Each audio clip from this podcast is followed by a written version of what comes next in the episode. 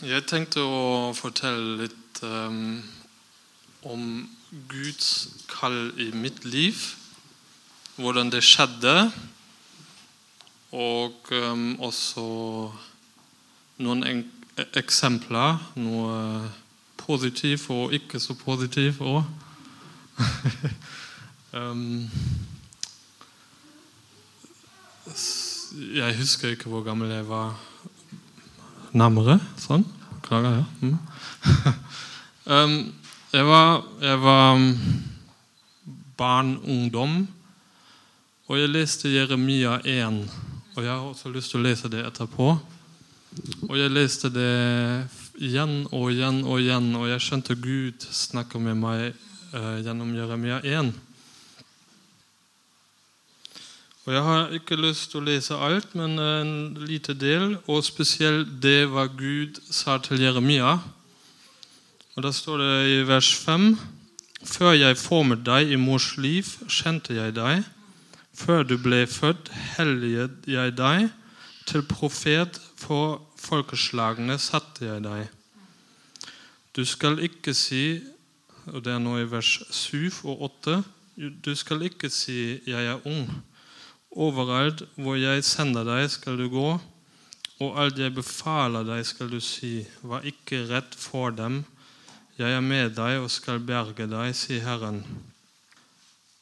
Nå legger jeg mine ord i din munn. Se, jeg setter deg i dag over folk og riker, det er vers 10, til å rykke opp og rive ned, til å ødelegge og knuse, til å bygge og plante. Og vers 11.: Herrens ord kom til meg. Hva ser du, Jeremia? Jeg svarte, jeg ser en grein av et våketre. Da sa Herren til meg, godt sett, for jeg vil våke over mitt ord og sette det i verk.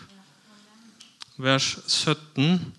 Men du skal spenne beltet om livet, stå fram og si til dem alt det jeg befaler deg Vær ikke redd dem, ellers slår jeg deg med redsel for dem. Se, jeg gjør deg i dag til en festningsby, til en jernstøtte og en bronsemur mot hele landet, mot kongene i Juda, mot lederne og prestene og folket i landet. De skal gå til krig mot deg, men ikke vinne, for jeg er med deg, sier Herren. Jeg skal berge deg. Og Jeg leste det hundre ganger, jeg vet ikke hvor mange ganger. Kanskje ikke med en gang, men over tid. Og jeg skjønte Gud si noe til meg.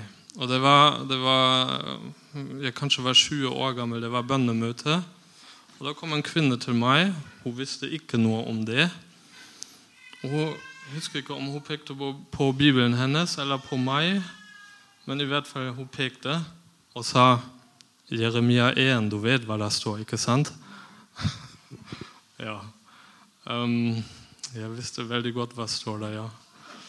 Um, jeg hadde en uh, tidspunkt etter Se um, jeg var i Fra 2001 til 2003 var jeg på en bibelskole i Tyskland.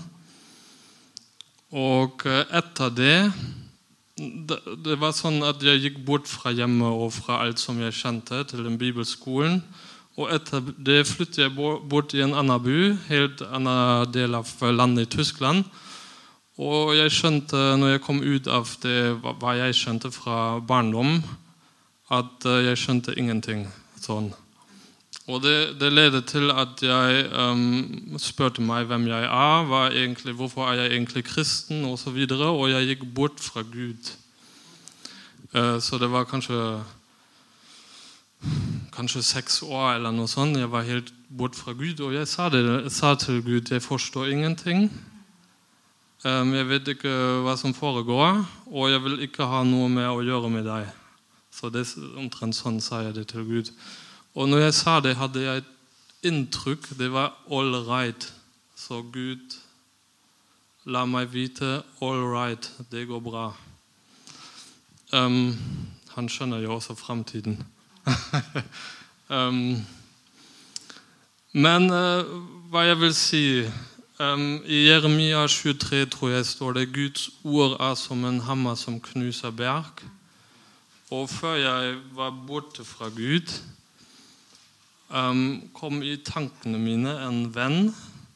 Og jeg måtte tenke på han i flere dager eller uker.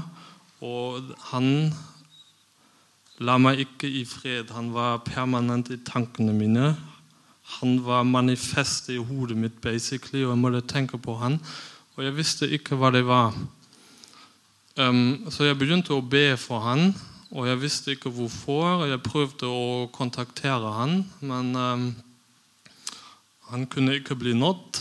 Og etter to uker skrev han en e-post tilbake til meg. Og jeg bare ber for han noe random things, ikke noe spesielt at Gud skal bevare han og velsigne han og sånn. Um, og så skriver han til meg, til meg jeg har akkurat vært nå i Nord-Korea. ja. Eh, de, de, de, var på misjonstur som var kledd ut som en hjelpesending. Eh, så da visste jeg etterpå hvorfor jeg skulle be for han, og hvorfor han var i tankene mine. Så Guds ord er som en hammer som knuser berg. um, så det var første gang jeg skjønte at Gud bruker meg på den måten. At han sier noe til meg sånn, og at jeg må handle. Og så hadde jeg ikke noe valg, for hvis du har noe i hodet ditt, en tanke, du må jo gjøre noe med det. Um, så i 2012 um, hadde jeg et veldig sterk opplevelse med Gud egentlig i 2011 det var det, var, um, det var det tsunami i Japan. Og jeg ble livsredd. Og i det tidspunktet så Før dette var jeg ikke kristen, men etter tsunamien var jeg kristen. Så jeg, jeg var på det, det, tidspunktet livsredd, og jeg spurte meg hva skjer med meg hvis jeg er i en sånn katastrofe. Og um, det var en i, Jesus Church i Oslo som jeg spurte meg denne søndagen ja, hvordan går det med deg. Jeg var ofte med i Jesus Church i Oslo pga. min uh, søster og svoger. Um, men jeg var ikke kristen. Um, og så spurte hun meg ja, hvordan går det med deg i dag. Og jeg sa ikke så bra, jeg er redd, og det er Japan og tsunami osv. Og, så og hun begynte å preke til meg. Og på slutten spurte hun meg ja, vil du bli kristen, vil du, vil du bestemme deg. Og sånn. Og så sa jeg ja, og 30 sekunder senere sa jeg nei. og grunnen var uh, Det fins et bibelvers, den som bygger et tårn overslager kostene, eller hva det heter på norsk. Beregner kostene, ja. Um, og jeg tenkte er jeg klar for det nå? Og jeg sa nei. Men uh, samme kvelden, etter jeg gikk uh, hjem fra gudstjeneste, spurte, uh, sa jeg til Gud, til Jesus faktisk, direkte til Jesus Hvis du er ekte, da viser meg hvem du virkelig er. Hvis, hvis, det, hvis de fins. Sånn, vis meg hvem du virkelig er. Og Jeg skjønte en-to dager senere at denne dødsfrykten var borte, og det var fred. Ja, så Det var tidspunktet at um, jeg omvendte meg og begynte igjen et liv med Jesus. Um, I 2012 hadde jeg et veldig sterk opplevelse med Tusen takk. Så um, alt handler om å høre Guds stemme. sant? Um, jeg hadde et veldig sterk opplevelse. Og um, det var det ene morgenen på søndagen Gud overbeviste meg om synd, som jeg måtte omvende meg fra. Og samtidig um, Ja, så Hele søndagen var egentlig ødelagt for meg. Jeg ville jo gå til gudstjeneste, men um, jeg var også da. Men uh, hele tanken var med hva Gud uh, overbeviste meg om. Og, og, det var så sterk opplevelse. Og så tenkte jeg jeg må snakke med noen. Um, neste dag var det mandag, og jeg måtte på jobb, så jeg gikk til jobb. Men hele tanken tenkte jeg må snakke med noen om hva som jeg har opplevd. Og så sa min uh, sjef ja, Benjamin, det var klokka ti eller noe sånt. Benjamin, du kan egentlig gå hjem, du har for mange timer. Ja. så ringte jeg min uh, svoger Philip i Jesus Revolution og sa jeg må snakke med deg. Det er så mye som foregår. Jeg må um, bekjenne mine synder og alt mulig, sa jeg. Og vi hadde lang uh, konversasjon. Og um, jeg tror det var samme morgen før jeg snakka med Philip. Um, så, jeg, så jeg var på vei til jobb, og Gud sa til meg veldig sterk opplevelse, og jeg begynte å gråte. Jeg skjønte hans nærvær, og jeg begynte å gråte. Og jeg sa uh, Gud sa, Jesus sa til meg, 'Benjamin, du må dø'. Og jeg skjønte i det øyeblikket alle mine ambisjoner, alle mine drømmer, alt hva jeg ønsker for meg sjøl, må dø. Og så har jeg sett uh, i um, så, sånn et bilde i hodet mitt at jeg snakker med folk om Jesus i Oslo. Og jeg sa til Jesus nei. Det gjør jeg. Nei. Nei. nei. Um, men Guds nærvær var så sterk, utrolig sterk når han sa 'Benjamin, du må dø'. Jeg hørte det om Kan ikke engang helt forklare det. Um, inni meg og ut av meg, og jeg kan ikke helt forklare det. Helt, ja, må man oppleve, egentlig. Og så sa jeg nei, fordi jeg har sett meg sjøl snakke med folk om Jesus. Jeg var jo livsredd for folk. um, og um, men uh, Guds nærvær var så sterk at jeg sa etterpå ok Gud, jeg vet ikke hva jeg skal gjøre, hva du vil fra meg, hvordan jeg skal gjøre det. ok, Hvis du vil det, gjør jeg det. Og det neste han sa, gå til Jesus Revolution. Ah, jeg ville aldri gå til Jesus Revolution. Jeg kjente jo de folk der. De var jo skikkelig gale. og jeg sa en gang til enten min søster eller min svoger jeg skal aldri være med dere. Men eh, jeg ble faktisk i Jesus Revolution i tre år etter hvert, ja. Så um, Når jeg var i Jesus Revolution, var det en, en opplevelse jeg hadde. Det var en, um, en bønnemøte. Og um, jeg hørte et ord i hodet mitt som, som jeg hørte navn av vennen min før. Så det ordet det var, det var i hodet mitt og ville ikke gå bort. Og jeg hørte stories, stories, stories, stories. Og så, og så var det en av lederne som sa etterpå er det en som fikk et ord fra Gud. Og jeg hørte stories, stories, stories, og jeg tenkte det høres så latterlig ut, det ordet stories. Hva skal jeg gjøre med det? Og jeg sa ingenting. Um, og så på samme kvelden etterpå ble det annonsert at um, Jesus Revolution skal uh, starte et nytt uh, konsertteam igjen. Og det konseptet, den første konserten, den skal hete Stories. Og jeg sa ingenting. Jeg følte meg så dårlig etterpå. ja. Um, det var ikke bra. Um, jeg har opplevd utrolige ting de siste tre og halv åra, kan man si. Um, jeg har opplevd Gud som jeg har aldri opplevd han før dette. Og jeg vil gjerne fortelle en historie som er sterk, men også skummelt. Og så sier det alt hva jeg sier til deg, sant? sa Gud til Jeremia, du skal si. Og så fins det en bibelvers um, Det er Moses som sier det, jeg husker ikke hvor den står. Og jeg sier det på engelsk nå, for jeg husker ikke hva det heter på norsk. Do not let a witch live among you. Jeg vet ikke hvordan man sier det på norsk. Um, do not live a witch live among you. Jeg hørte det ordet hele tida i hodet mitt. Do not let a witch live among you. Ja. Og så var det en venn uh, som har skilt seg fra sin kone. Nei, hans kone har skilt seg fra han. Uh, det var ikke han. Um, og um, han ville prøve å komme tilbake til henne. Og jeg skjønte det ordet var for han. Og jeg fortalte det, fortalte det til han hva som foregikk den dagen, hvorfor jeg har det ordet i hodet mitt, og spurte forsiktig kanskje det er deg og din kone.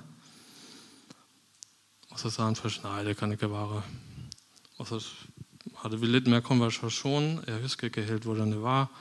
Og så på slutten sa han jeg skjønte når jeg var sammen med henne, at jeg ble så dårlig, at det var så mye trykk på meg, og at jeg, at jeg skjønte at det var, det var ikke bra for meg.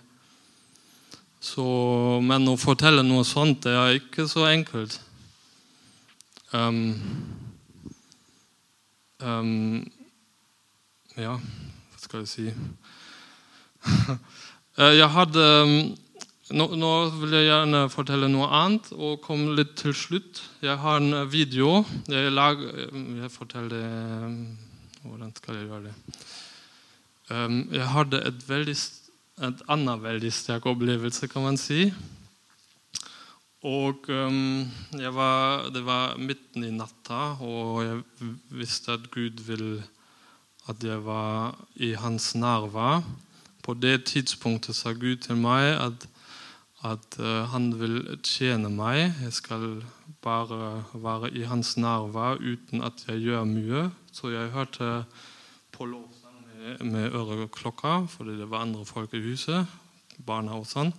Og Eirin. Og jeg lå der på sofaen og um, hørte på lovsang, og jeg begynte å sove.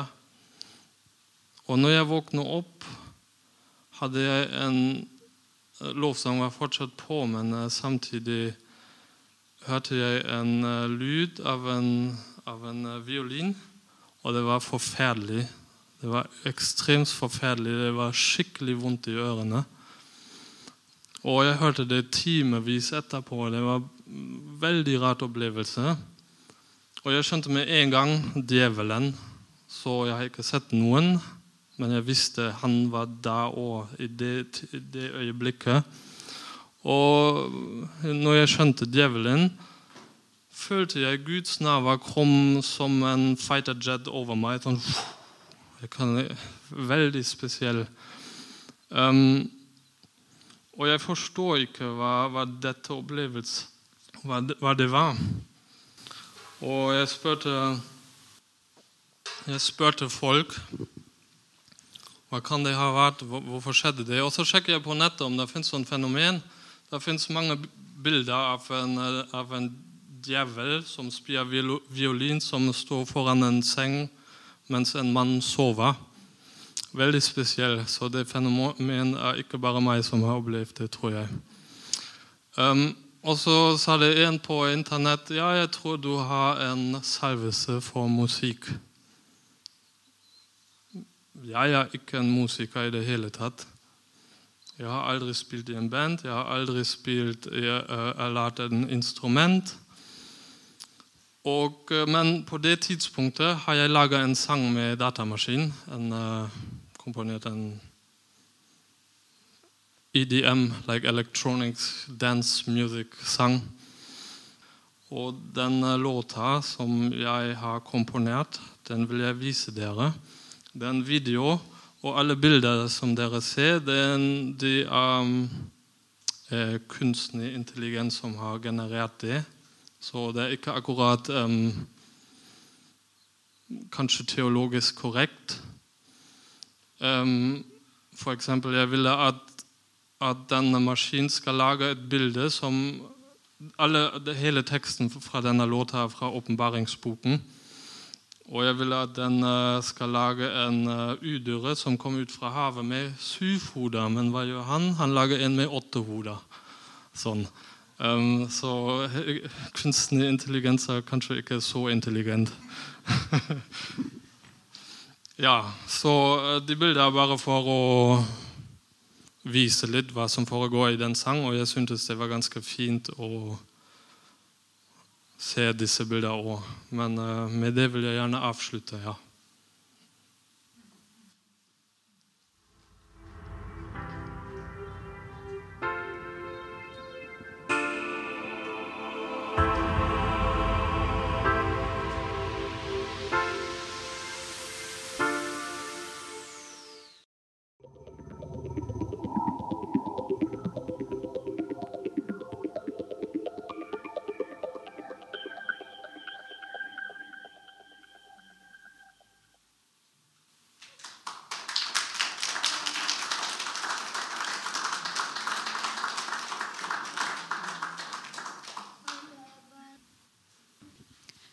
Nå er det mange tanker i hodet vårt, ikke sant? Én tanke. Hva gjorde profeten Jonah? Nei, sa han. Nei. Nei.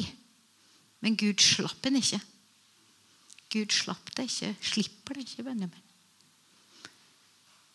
I Efeserbrevet så står det at Gud satte noen iblant oss. Så ikke at vi valgte. Så i forsamlingen vår så satte Gud noen. Benjamin, du er satt her. Med din profetiske gave. Og for oss som kjenner vår bibel, så vet vi at det profetiske uttrykket det er annerledes.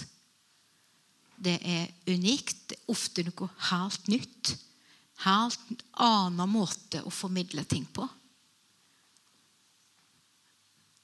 Og så står det i Det nye testamentet 'forakt ikke det profetiske ord'.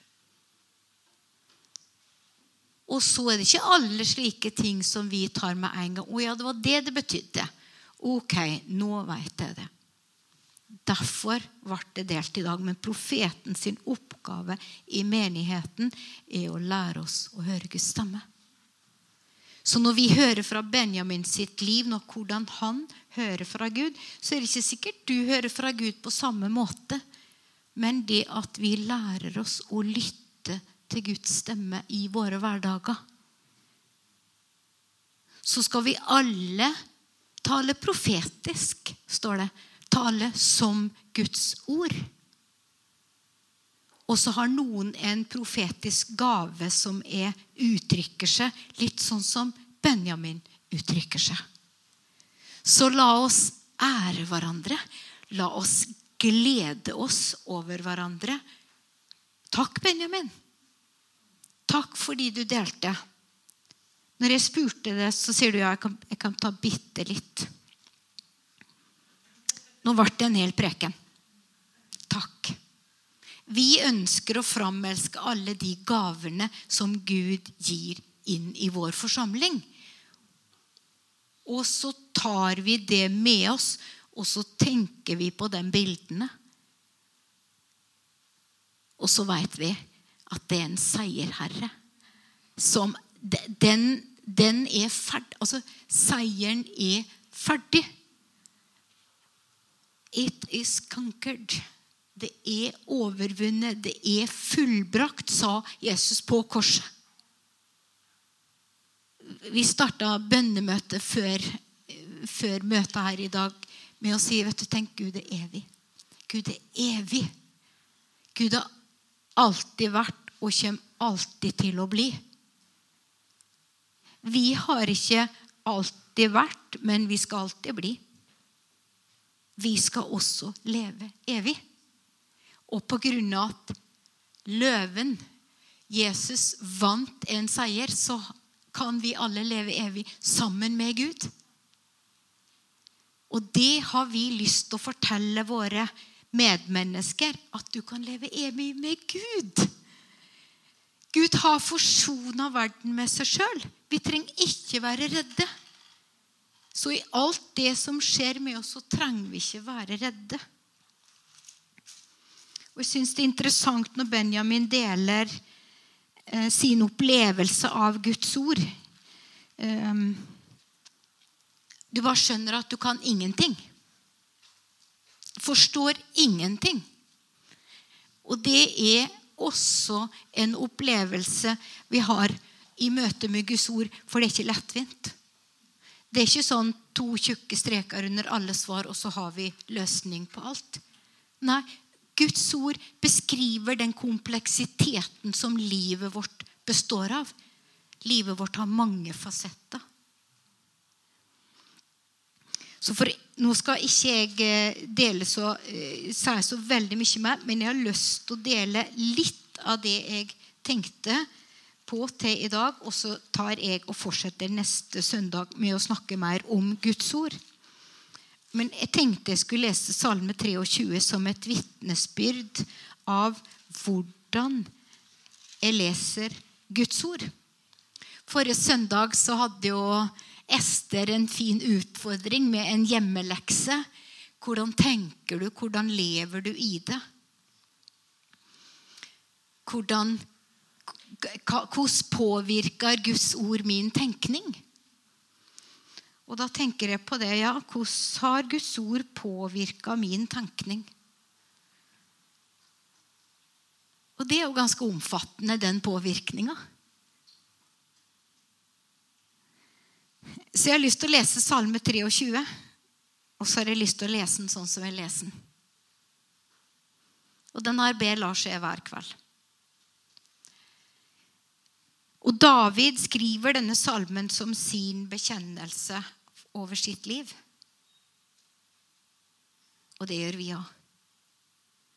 Og Salme 23 sier det sånn Herren er min hyrde. Jeg mangler ingenting. Det står ikke at Herren skal en dag bli, eller kanskje av og til så er han min hyrde, men han er. Også det ordet 'er' er noe som aldri begynner og aldri tar slutt. på en måte. Det er, bare, det er en konstant sak. Herren er min hyrde.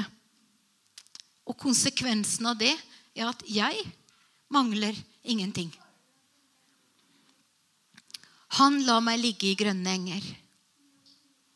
Gud er den som forsørger oss. Gud er den som gir næring til mitt liv, til vårt liv.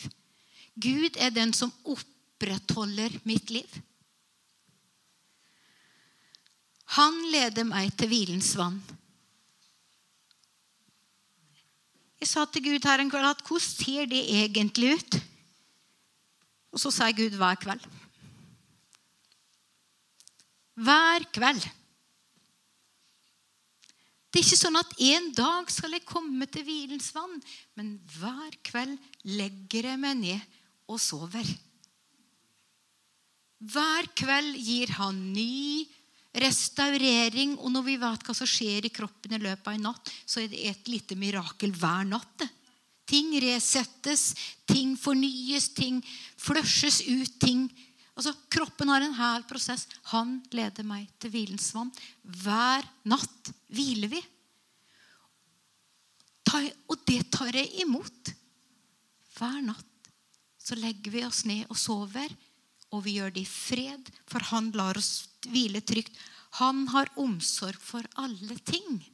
Så alle mine bekymringer kan bare ligge. For han tar vare på oss. Han fornyer min sjel. Det står i fotnoten der at han vender min sjel til seg. Caroline Liff sier det i sin hjerneforskning at det er sånn at hvert, vi er konstruert sånn at hvert tiende sekund så vender så dras min tanke mot Gud. Altså Sånn er mennesket skapt. Hvert, det, det dras imot Gud. Han fornyer min sjel. Det er han som drar på meg. Det er ikke at jeg gjør så superkloke valg til enhver tid som Men han drar på meg. Han lokker meg til se. Han leder meg på rettferdighetsstier for sitt navns skyld. Han er kongen, han har frelst oss, han har forløst oss. Han leder oss på rettferdighetsstier fordi han får ære av det. Hans navn blir opphøyd når hans folk har det bra og lever i rettferdighet. Lever i fred. Han, det gir ære til Gud. Ja, selv om jeg må vandre gjennom dødsskyggens dal, frykter jeg ikke for noe ondt, for du er med meg. Din kjepp og din stav, de trøster meg i tider med krise. I tider med eh, svart, i tider med mørke. Vi veit ikke enden på det her. Så er han med meg. Din kjepp og din stav, de trøster meg. Altså, Gud har både kjepp og stav. Staven hanker oss inn. Kjeppen jager vekk det som vil ødelegge. Det, det, det er til trøst for oss. Han er med meg. Du dekker bord for meg rett foran mine fiender.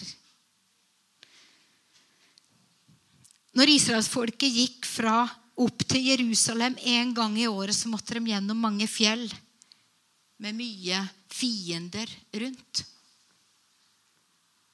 Så David bekjenner på en måte da at du dekker bord for meg like for mine fienders øyne. Selv om fiendene mine sitter der, så kan jeg sitte her og spise. Jeg kan sitte her og ta imot. Selv om det som ønsker å ta livet av meg eller ønsker å ødelegge for meg altså, det, det må være ydmykende for deg, tenker jeg, å se på at Gud dekker bord for oss. Rett foran dem. Det er ikke i skjul engang. Men de må bare se på det. At Gud dekker bord for sitt folk. Og han salver mitt hode med olje. Mitt, det bare flyter over gledens olje. Salvelse, kraft til mitt liv. Det bare flyter over. Og så konkluderer han med i siste vers at sannelig, sannelig, bare godhet og miskunnhet skal etterjage meg alle mitt livs dager, og jeg skal bo i Herrens hus til evig tid. Ja, sannelig, bare godhet og miskunnhet så betyr det at i livet vi bare ser godhet og miskunnhet. Nei, men fra Gud sin side så er det bare godhet og miskunnhet. Og det gjør at vi takler livets motgang. Guds godhet. Men hva gjør vi? Jo, vi ser etter det.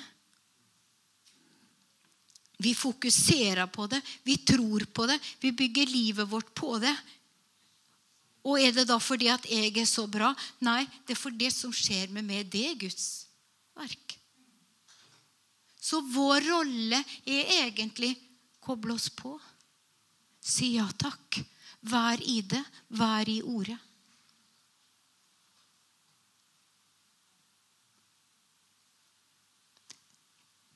Jeg tror de fleste av oss, til lenger du lever, til mer ser du at eh, hvor lite hvor lite som egentlig på en måte kommer an på meg og mine strategier og langsiktige mål og alt det der. Men de små daglige valgene av å leve med Gud, de små daglige valgene, det er dem som gjør forandring, fordi da er Gud der. Det er jo Gud i våre liv som skaper forandring. Som skaper endra tankemønster. Som eh, Ester snakka så fint om forrige gang, og som Rune snakka om gangen før der. Det er jo livet med Gud som gjør endring. Så koble oss på Gud. Koble deg på ordet. Så skapes det noe som er livgivende.